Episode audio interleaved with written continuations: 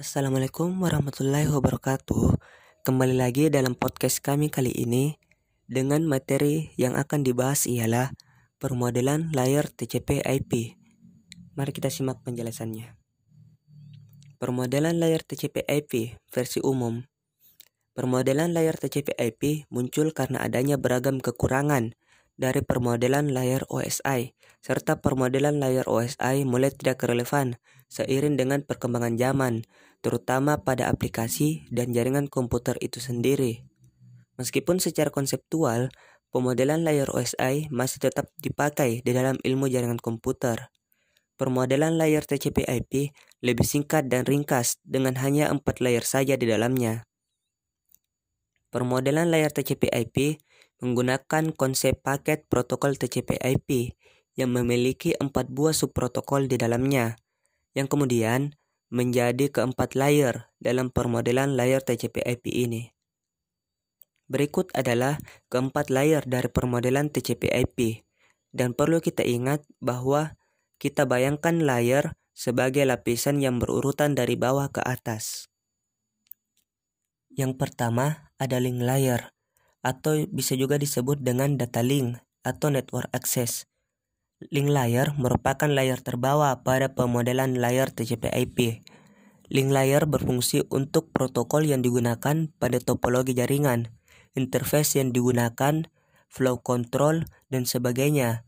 Secara umum, fungsi layer ini adalah untuk mendefinisikan beragam metode ke dalam jaringan, ke dalam lingkup link lokal jaringan pada komputer, yang sedang berkomunikasi. Pada layar ini, unit data disebut dengan frame, yang terdiri atas frame header, frame data, dan frame footer. Link layar dapat disetarakan dengan physical layer dan data link layer pada permodelan layer OSI. Yang kedua, ada internet layer.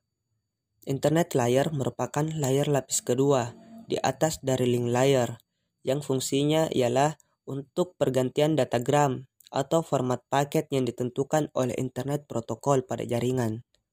Layar ini menyediakan interface atau komponen yang bersentuhan langsung dengan user, jaringan yang seragam, dengan menyembunyikan topologi yang digunakan. Selain itu, layar ini mengurusi pengalamatan dan routing. Itulah sebabnya pada layar ini terdapat IP header dan IP data. Internet layer dapat disetarakan dengan network layer pada permodelan OSI. Yang ketiga, ada transport layer. Transport layer merupakan layer di lapis ketiga di atas dari internet layer yang berfungsi untuk menyediakan konektivitas antar proses atau end-to-end -end service, channel pergantian data untuk aplikasi, transmisi end-to-end -end message dengan menggunakan protokol TCP untuk connection oriented dan UDP untuk connectionless Transport layer dapat disetarakan dengan transport layer pada permodelan layer OSI. Dan yang keempat ada application layer, yaitu application layer merupakan layer di lapis teratas yang berfungsi untuk komunikasi data antar aplikasi dan komputer. Beberapa protokol jaringan yang berjalan di layar ini antara lain SMTP, HTTP, dan FTP. Application layer setara dengan session layer, presentation layer, dan application layer pada permodelan OSI.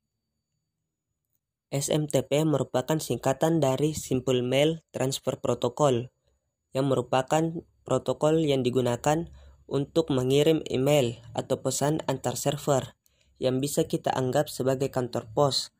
Artinya, ketika kita mengirimkan email, komputer kita komputer kita mengarahkan email tersebut ke sebuah SMTP server untuk diteruskan ke email server tujuan. Dan adapun HTTP yang merupakan dari singkatan dari Hypertext Transfer Protocol yang merupakan sebuah protokol jaringan lapisan aplikasi yang digunakan untuk sistem informasi terdistribusi, kolaboratif, dan menggunakan hypermedia dan FTP merupakan singkatan dari File Transfer Protocol yang merupakan protokol internet yang digunakan untuk urusan pengiriman data dalam jaringan komputer seperti upload dan download file yang dilakukan oleh FTP client dan FTP server. Itulah tadi pembahasan mengenai permodelan layar TCP/IP versi umum. Adapun permodelan layar TCP/IP versi Frozen. Jika kita membandingkan dengan permodelan layar TCP/IP pada Frozen, terdapat tambahan satu layer di lapisan terbawah, yaitu physical layer. Nilai tambah dari permodelan layar TCP/IP versi Frozen adalah dilibatkannya perangkat fisik beserta dengan proses di dalamnya dan fungsionalitasnya. Sebagai sebuah layar tersendiri bernama physical layer dan berada di lapisan terbawah. Hal ini juga membuat pemodelan layar TCP/IP menjadi mirip dengan permodelan layar OSI, tapi lebih singkat dan padat dibandingkan dengan permodelan layar OSI, karena hanya memiliki lima buah layar saja di dalamnya. Kelima buah layar tersebut ialah physical layer, data link layer, network layer, transport layer, application layer, physical layer. Physical layer merupakan layer terbawah pada pemodelan layar TCP/IP versi Frozen. Physical layer berkaitan erat dengan koneksi wired atau berkabel pada jaringan komputer dan berhubungan dengan fisik dari jaringan komputer yang mencakup perangkat yang mencakup perangkat keras penghubung pada jaringan komputer, sinyal, bit data, transmisi data dalam bentuk analog dan digital, serta media transmisi di dalam jaringan komputer. Pada physical layer ini, paket data disebut dengan bit.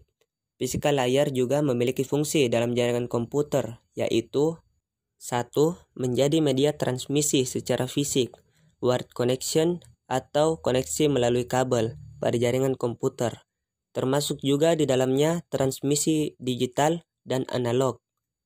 2. Berperan di dalam proses topologi jaringan. Topologi jaringan adalah susunan beberapa jenis topologi jaringan yang ada, antara lain topologi bus, topologi ring, topologi star, dan topologi mesh. Yang ketiga, berperan di dalam proses pensinyalan. Dalam hal ini mencakup digital dan analog. Yang keempat, berperan di dalam proses bit data, sinkronisasi bit data, bit rate. Dan yang kelima, terkait dengan koneksi wire pada physical layer. Maka physical layer juga berperan di dalam proses pengabelan, misalnya dengan RJ45. Sedangkan untuk data link layer, network layer, transport layer, application layer, dan physical layer versi Frozen memiliki definisi dan fungsionalitas yang sama dengan permodelan TCP/IP versi umum yang sudah dibahas sebelumnya. Oke, kita sudah sampai pada akhir podcast kali ini. Semoga kalian bisa menikmati podcast-podcast dari kami. Terus semangat belajarnya dan stay safe. Assalamualaikum warahmatullahi wabarakatuh.